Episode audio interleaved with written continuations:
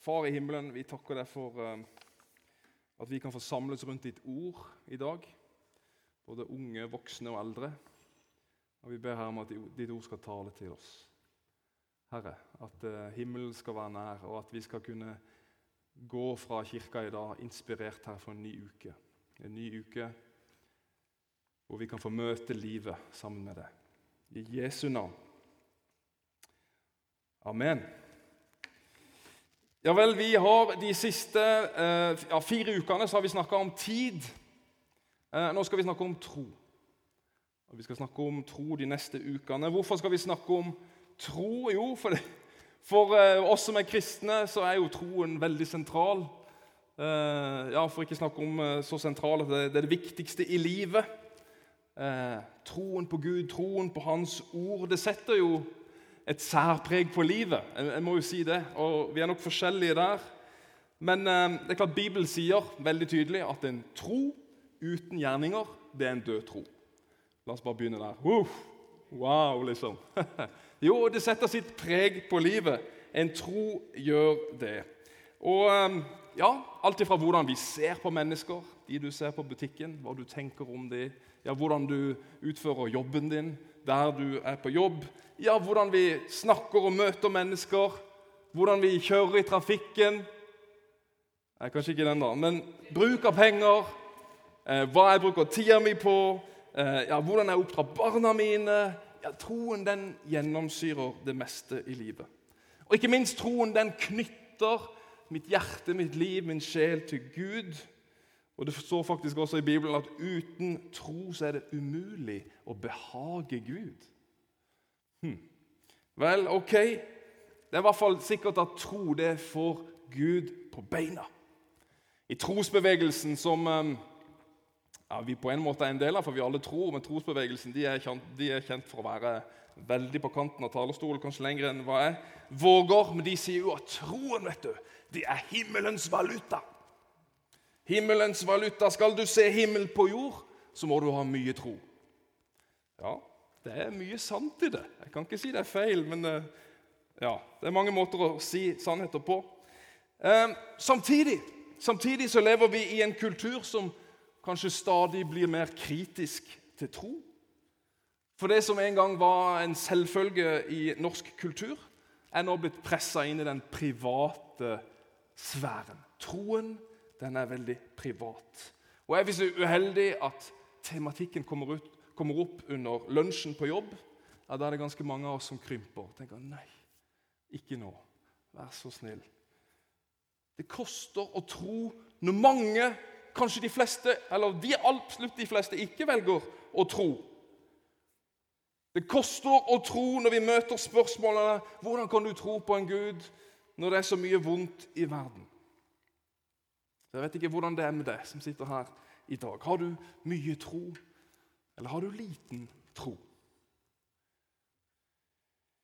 Vi skal gå gjennom en tekst sammen i dag. Det er ikke ofte jeg går gjennom en tekst på denne måten, så du får ha nåde med meg. Men uh, vi skal gå i Matteus 14, og der er det en veldig veldig kjent tekst om uh, en viss person som går på vannet.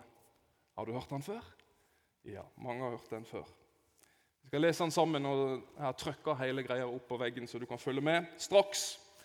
Straks etter fikk han disiplene til å gå i båten. Dette er straks etter eh, de har metta 5000 mennesker.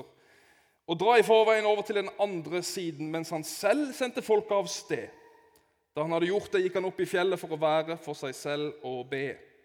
Da kvelden kom, var han der alene. Båten var allerede langt fra land, og den kjempet seg fram i bølgene, for det var motvind. Men i den fjerde nattevakt kom han til dem gående på sjøen. Da disiplene fikk se ham der, gikk, der han gikk på vannet, ble de skrekkslagne. 'Det er et gjenferd', sa de, og skrek av angst. Når de samme talte Jesus til dem, 'Vær ved godt mot, det er meg, vær ikke redde'. Da sa Peter til ham, 'Herre, er det deg, som sier at jeg skal komme til deg på vannet.' Her kom, sa Jesus. Peter steg ut av båten og gikk på vannet bort til Jesus. Men da han så hvor hardt det blåste, så ble han redd. Han begynte å synke og ropte, 'Herre, berg meg!' Straks rakte Jesus hånden ut og grep fatt i ham og sa, Du lite troende, hvorfor tvilte du? Så steg de opp i båten, og vinden stilnet. Ja, det var Guds ord i dag. Vet, Peter han får, eh, han får, et ganske upopulært uh, tilnavn skal vi si det, i dag i denne teksten. Du lite troende. På norsk er det jo tre ord, på gresk så er det ett ord. Lille tro. Mister little faith. Lille tro. Hmm. Kanskje ikke så populært. Jeg antar at Peter han, eh, ja, bare for kort tid siden hadde kanskje ikke drømt om at Jesus skulle si det akkurat til han. Det Mest sannsynlig så var han, eh, han var, hans tro var ganske sterk etter at de nettopp hadde sett Jesu under der han metta 5000 mennesker. Og Han hadde til og med vært der og fått delt ut mat. ikke sant? Det var ekstra mat igjen etter at de hadde delt ut alt. Du kjenner kanskje historien. Og Peters tro var sterk i, eller om bord i denne båten. Og Det er jo store, store ord han taler. 'Herre, er det deg som sier at jeg skal komme til deg ut på vannet?' Er det mulig? Det er jo ikke skryt. Han, han, må jo ha ment det, og det var troens klare tale. Troen hans var sterk og bærende der han måtte skride over ripa, og så begynner han å gå mot Jesus. Men så kommer disse stormkastene plutselig nedover, liksom brølende nedover fjellsiden, og så griper de fatt i han.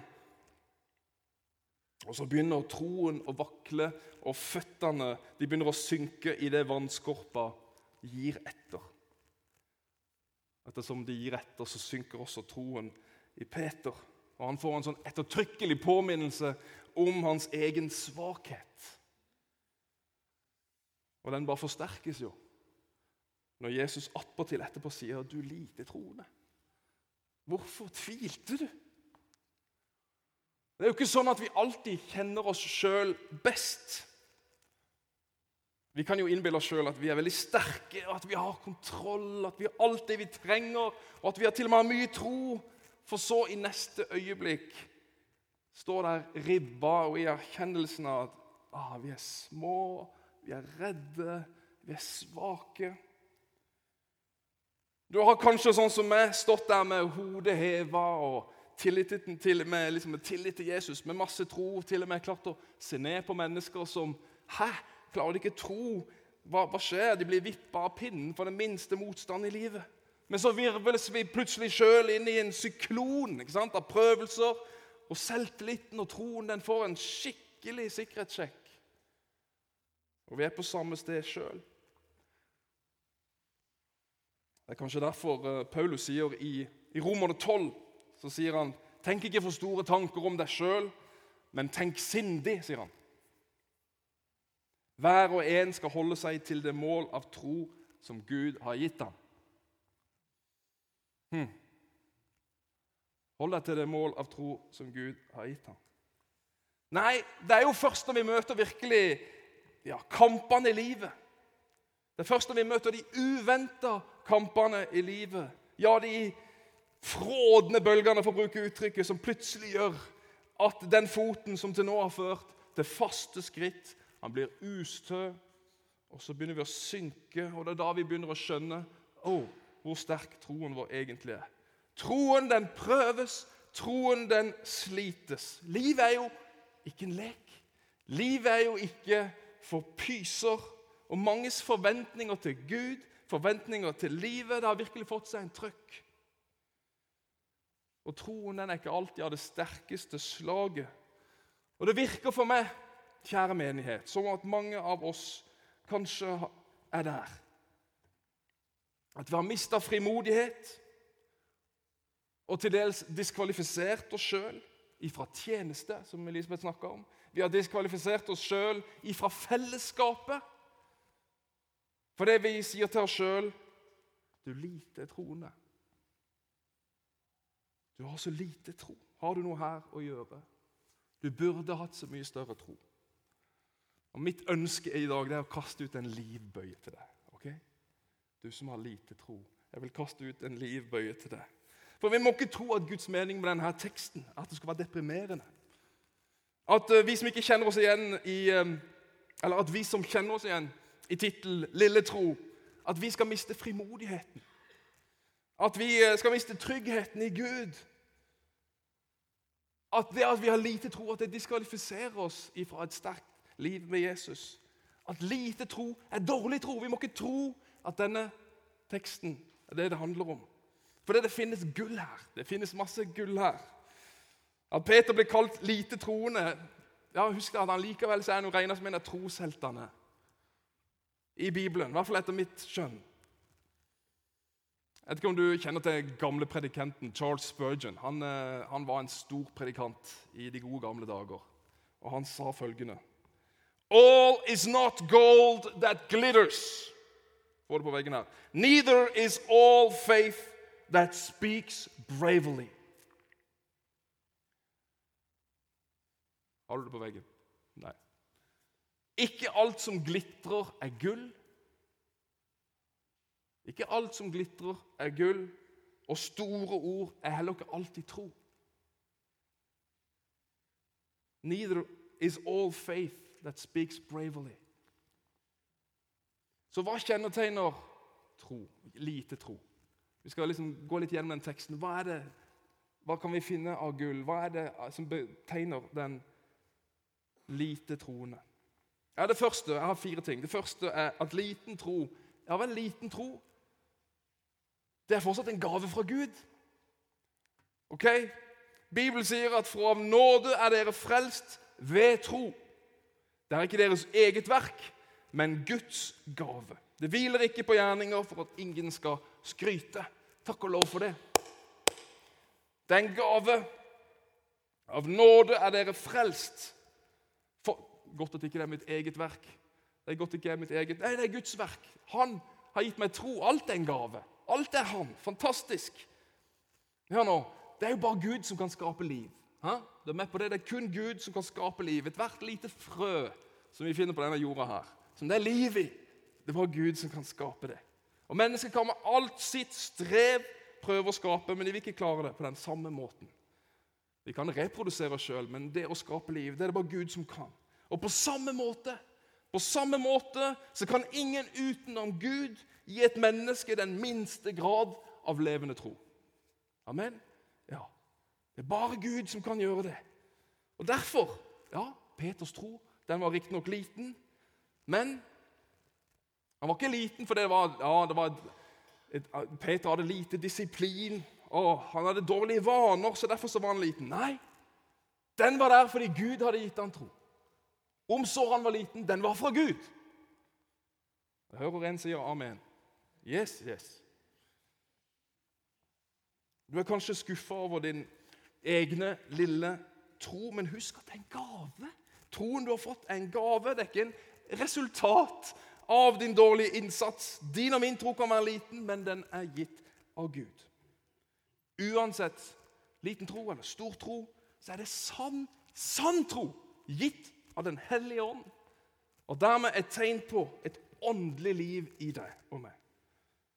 Det er jo sånn at Første lege til et skadested han er alltid opptatt av fins det et livstegn i denne skaden, i denne ulykken. Og Finner han et livstegn, ja vel, da er det alltid håp. Da er det alltid håp. Et tegn til liv, det gir håp. Liten tro betyr at Den hellige ånd er til stede i ditt liv. Og det er ikke så rent lite. Det er poenget mitt. Så Uansett hva du møter i livet, der det er tro, der er Gud. Og da er det alltid håp. Kort tid etter eh, denne episoden på sjøen så, um, så bekjenner Jesus i disippelflokken der. og Jesus spør liksom, hvem, hvem, mener, hvem, sier folk at jeg er, og hvem mener dere at jeg er? og Det er liksom forvirring. ikke sant? Så sier han i, jeg tror det er Matteus 16 så sier han det at ja, men du er jo Messias. Du er jo Messias, den levende Guds sønn, sier han. Bekjenner det framfor Jesus. Og Da, han, eh, da gir han um, Peter denne attesten her. da. Salig er du, Simons sønn, Jonas' sønn, for kjøtt og blod har ikke åpenbart det for deg. Det der har du ikke fra deg sjøl, Peter. Det du sa der, den bekjennelsen den var ikke fra deg sjøl. Nei, nei, nei, nei, nei. Men det var fra min far i himmelen, sier Jesus. Du fikk det ikke fra deg sjøl, du fikk det fra min far i himmelen. Stor tro eller liten tro det har det samme utgangspunkt. Det er Gud, og det har et enormt potensial.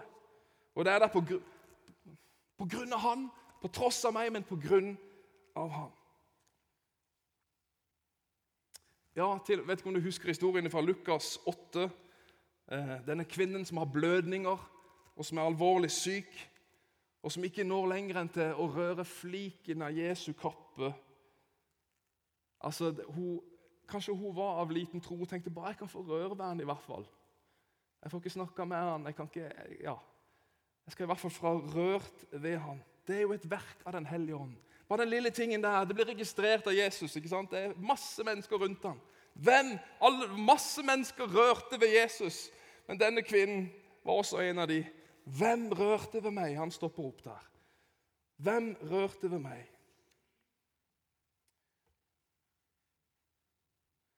Ja, også troen til denne faren som, som kommer til Jesus på vegne av sin sønn som er syk. Og som, 'Jesus, kan du gjøre noe for min sønn? Han er syk.' I Markus 9. Og han sier liksom, 'Ja, alt er mulig for den som tror'.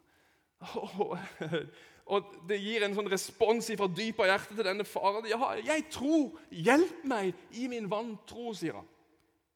Hjelp meg i min vantro. Og Jesus hører denne vantroende, denne med liten, liten tro. Og da tenker jeg, Hvis han hører disse, skulle han ikke høre din tro? Skulle ikke se din tro? Det andre som jeg kjennetegner den lille troen, da tenker jeg at eh, det gjelder jo ikke bare de som går stille i dørene. For Det er mange av oss som kan gå stille i dørene fordi vi tenker at vi har så liten tro. Men den som er liten tro, kan også være nidkjær og full av lengsel til Gud.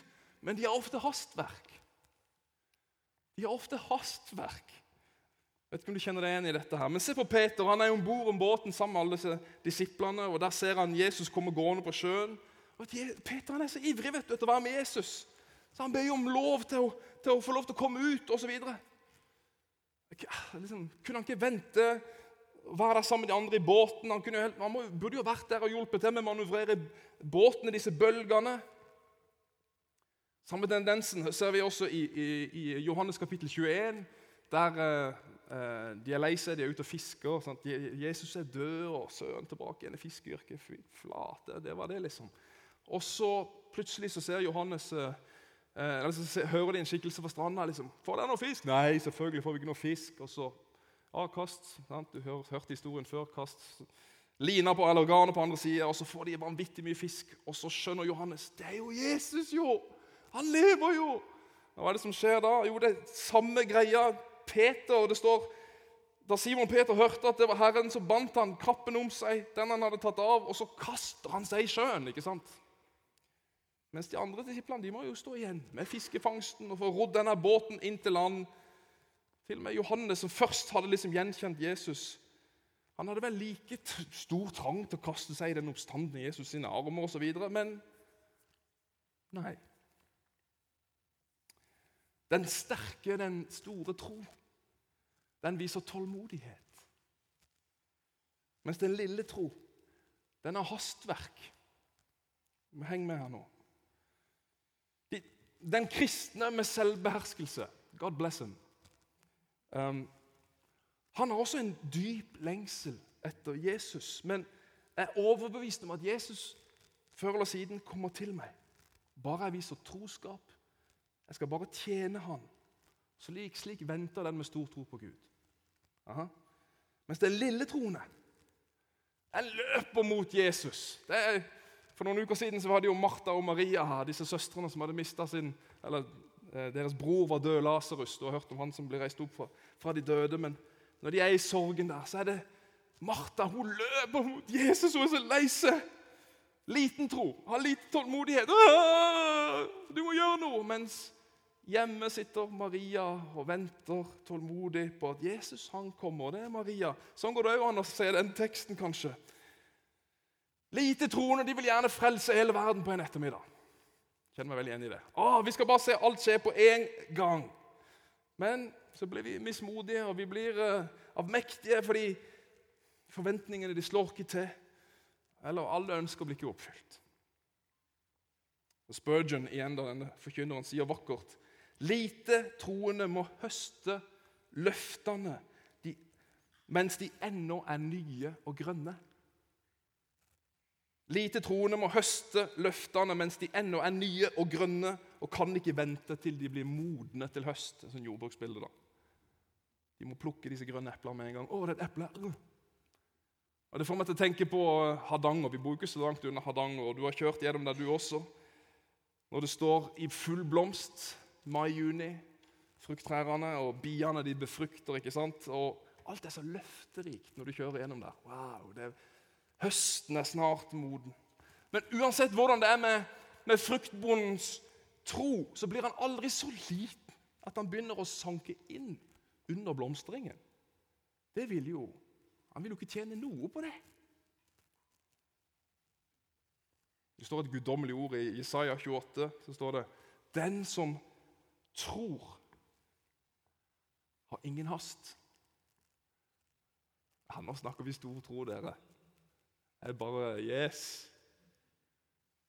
Jeg, jeg, jeg, håper du hørte dybden i dette. her. For noen år siden så bodde vi i Bergen, i Arna. Og Etter noen år der så begynte Tybakken å bli utålmodig. Altså meg og eh, venta bare på at Gud skulle gi oss tillatelse til å reise videre. Og, og, så er jeg gift med ei som har stor tro. Veldig tålmodig. Trenger, altså, ja.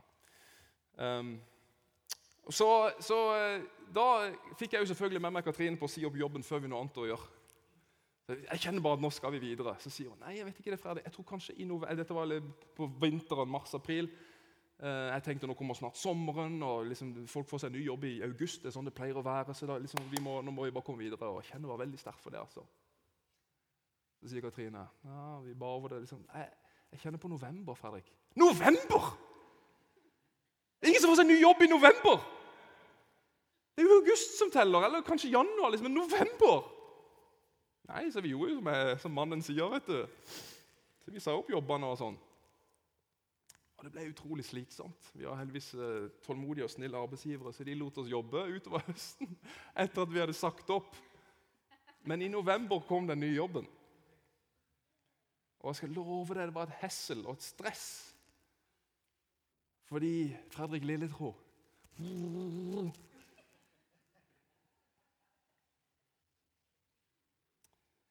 Kanskje var dette et ord til flere av dere som er utålmodige. og og seriøst, må Gud gi oss tro. Stor nok tro til å vente på hans timing. Den er så viktig. Eplet smaker mye bedre når det er modent. Er du med på det? Å, så søtt og godt det er. Tar du det litt for tidlig Ja, Det er fortsatt et eple, men det smaker ikke like godt. Ok? Ai, ai, ai, jeg ser det var noen som er glad i frukt her. Det bare sikler, vet du. Mm. Ok, Den tredje tingen, det som gjenkjenner liten tro det er at liten tro kan også føre til store ting. Ok?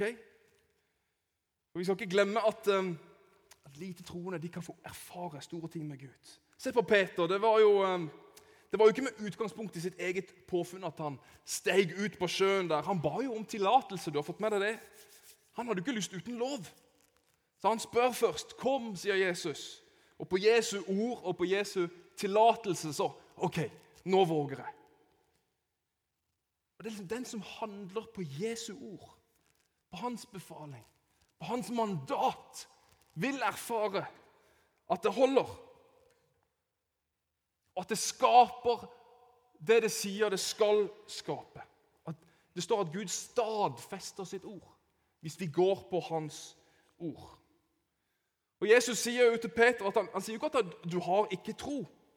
Du hadde ikke tro. Nei, han sier du hadde liten tro. Men han viser oss at liten tro kan være en sann og en ekte tro. En liten tro kan være en sann og ekte tro. Og denne lille troen den må vi aldri undervurdere. Lukas 19 så, så sier apostlene, de som er rundt Jesus, de sier han, 'Jesus, gi oss større tro!' Gi oss større tro. Og så svarer han på denne sjokkerende måten, som han ofte gjør. da, men sjokkerende her om, om, dere hadde tro som et sennepsfrø Det var jo det minste frøet de hadde tenkte på den tida. Kun, um, om dere hadde tro som et sennepsfrø, kunne dere si til dette morbærtreet Rykk deg opp og slå rot i havet, og det skulle adlyde dere. Det er sånn absurd tanke, liksom. Jo, jo, jo. Den lille troen den har enormt potensial. Ikke nødvendigvis spør om å få større tro. Bruk den lille troen du har. Om du hadde brukt den, ja, da ville Jesus ha stadfesta ordet sitt. Det er ikke nødvendigvis at vi trenger alle så stor tro, men hvis vi bare hadde brukt det lille vi hadde, Hvis vi hadde gått på hans ord Og jeg tenker Et lite sennepsfrø ja, det har jo masse liv inni seg. Ja, det samme livet faktisk som er i det store treet som fuglene bygger rede i, og alt det livet skjer der. Eller med andre ord en gnist er jo også en ild like mye som den store flammen. Er vi enige om det? Klart vi er enige om det. Liten tro er ikke så mektig som stor tro, men den er fortsatt av samme stoffet. Ok? Ok, det fjerde. Lite, og det er kanskje det som ligger hjertet nærmest akkurat i dag Lite troende de mister fort blikket på Jesus når utfordringene kommer. Peter han vender blikket bort fra Jesus når uforutsette ting, uforutsette ting skjer. Når ikke ting blir sånn som vi hadde tenkt, så går blikket vekk. Han har nok regna med bølger. Herlig fred, han, han er en fisker, han var der. Men liksom når de store stormkastene kommer, når disse stormkastene som river og sliter i han, så ble det for mye. Så Han ble helt satt ut av denne vinden og stormen. og Blikket det flytter seg fra, fra mesteren hans, fra, til omstendighetene og uværet.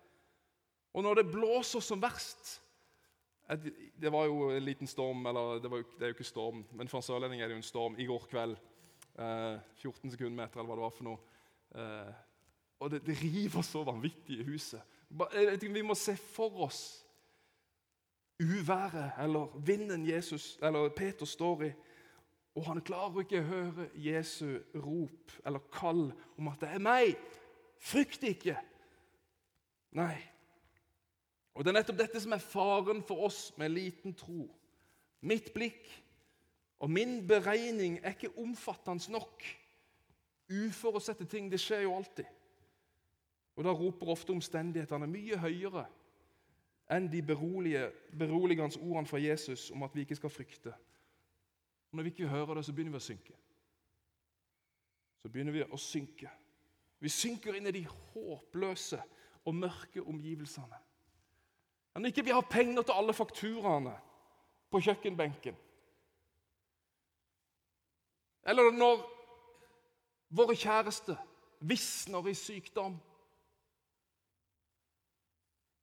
Eller når ekteskapet blir så vanskelig. Eller når den relasjonen blir så forbitra og hard. Ja, da sluker det oss. Da kveler det oss. Da stjeler det gleden. Ja, det stjeler kreftene vi har i Gud.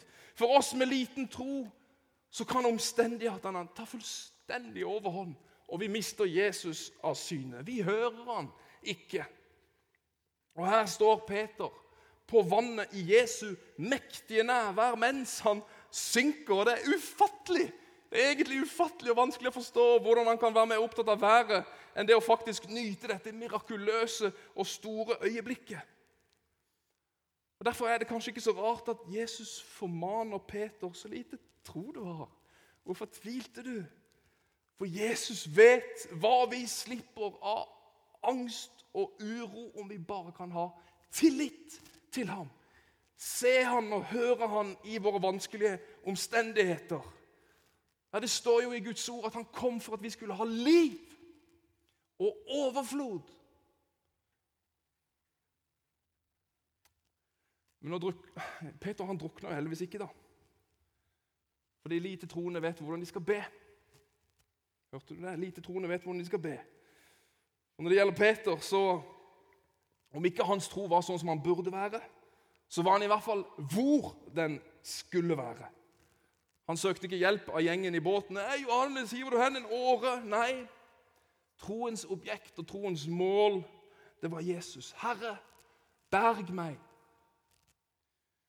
Og Uansett hvor liten tro vi har, så er den der lille bønnen Den lille bønnen den er så viktig, og noen ganger så kan det være lett å be. Ordene de strømmer lett ut og av gårde, men i vanskelige stunder da kan det være ufattelig krevende å be. Du er med på den? Og Det er rart med det, men denne ordrike pastoren som står her, kan selv slite med å finne ord. Når jeg mister Jesus av syne i mine, og jeg ikke hører han i mine problemer Katrine, kona mi, kommer inn og sier, 'Fredrik, Nå må vi be sammen. Nå må vi finne Jesus i dette. Vi må høre han. Da er det så utrolig vanskelig noen ganger å be. Fordi du klarer det bare ikke. Det er så mørkt rundt deg. Det er så vanskelig.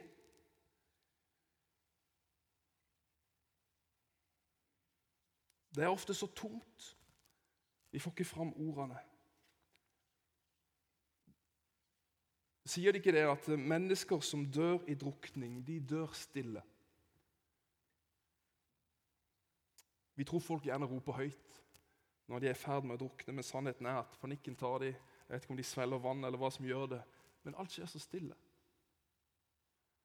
Plutselig. Og det er så skummelt. Men heldigvis så viser Peter også at uansett om vi synker, så er det ikke denne lange, flotte bønnen Jesus trenger å høre, men det er et rop. Et rop om redning, og det er bare tre ord. Hjelp, berg meg. Hjelp, berge meg. Du som er lite troende, vi som er lite troende, vi, vi må ikke være stille. Vi må ikke være stille. Selv om vi ikke ser eller hører han, så hører han oss. Han hører vårt rop, han ser oss. Så Derfor så må vi rope. For straks han ser oss, for han hører oss, så er hans hånd der, og så drar han oss opp ifra tvilen og angstens bølger. Jeg syns dette bildet er fantastisk. Ikke fordi det minner meg om Peter. Å, den bibelhistorien er så veldig fin. Det er fordi det er mitt perspektiv. Sånn oppleves det mange ganger i livet.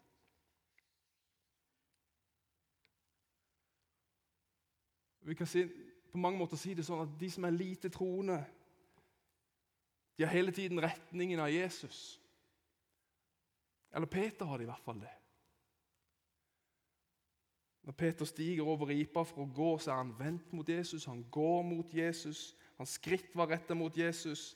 Han synker, vendt mot Jesus. Han ber, han roper, vendt mot Jesus. Og sånn er det. Jesus anerkjenner alltid den bønnen som er, og den troen som er vendt mot ham. Om det er vandrende i frimodighet, eller om det er synkende med nødrop. Troen som er retta mot seg sjøl, som er retta mot prestasjoner, det er ingen kristen tro. Har du tro retta mot prester og pastorer, predikanter, seremonier og følelser, ja vel, så er det overtro. Men har du tro retta mot Jesus Om han enn stemples som liten, så har Jesus godkjent ham. Vi må ikke miste Jesus av syne. Ikke tenk at du har for liten tro for å leve nær Han. Ikke diskvalifiser deg sjøl ifra dette kristne fellesskapet fordi du har liten tro. Det er mange av oss som har det. Vi må bare ikke bli stille. Vi må bare ikke drukne rop. Om så hvisk, som Solfrid straks skal synge en sang. Det kan være vanskelig å rope, for du bare kan hviske et halleluja. Du er i min nød. Jeg skal avslutte med en lignende historie om den gang disiplene ble fanga i en storm på Genesaretsjøen og båten holdt på å gå under. Den gang gikk ikke Jesus på vannet, men han lå bak i båten, og så sover han på en pute. Fantastisk. Og Så fortelles det om en vestlig misjonær som en gang skulle forkynne over denne teksten til forfulgte kristne i Østen. Det var i Kina eller et eller annet sted i Østen. Et sted der kristne ble tungt forfulgt. i hvert fall. Og Han legger fram denne teksten med full tyngde om hvor stor Gud er. Som kunne stille stormer, og som kunne stille stormene i deres liv. Men da stopper de denne vestlige forkynneren. Så forklarer de hva de ser i denne teksten. Og Det er ikke nødvendigvis det at Gud er stor nok til å stoppe stormen, men at han var med igjennom stormen. Tenk at Gud vil være med igjennom alt. For med Jesus i båten så var jo alt annerledes. Da var det jo ingenting å frykte, da. Jesus var jo med. Det viktigste var at han var sammen med dem igjennom stormen. Det var det største for dem. Er du med? Og helt, helt til slutt Enden på hele den historien var jo ikke det at Peter sank, men han ble jo redda. Han ble frelst. Og for du som tenker eh, Kanskje du er redd for at troen din ikke er god nok for å, være, for å bli frelst. Du skal vite om vi har liten eller stor tro. Det kan ende teksten minnes om at vi alle skal frelses. Det er godt nok, det du har. Amen. Herre, takk for at du minner oss i dag på at eh, selv liten tro kan være stor tro, Herre. Selv liten tro er en gave fra deg. Det er alltid håp der det er tro, Herre. Og Takk for alt det Peter lærer oss om. Og livet hans og det samspillet dere hadde, lærer om og kan gi oss som har liten tro. Herre, takk for at vi også kan få be om at du er nær oss. Ja, du kan gi oss mer tro, og at våre erfaringer her kan forøke vår tro og tillit til deg. Herre, jeg ber her om at dette fellesskapet som vi er en del av, uansett hva vi går igjennom, skal klare å rope et halleluja i tilbedelse, selv om alt, alt, alt annet rundt oss er krevende og vanskelig. Herre, hjelp oss å ikke være stille. Hjelp oss å rope til deg.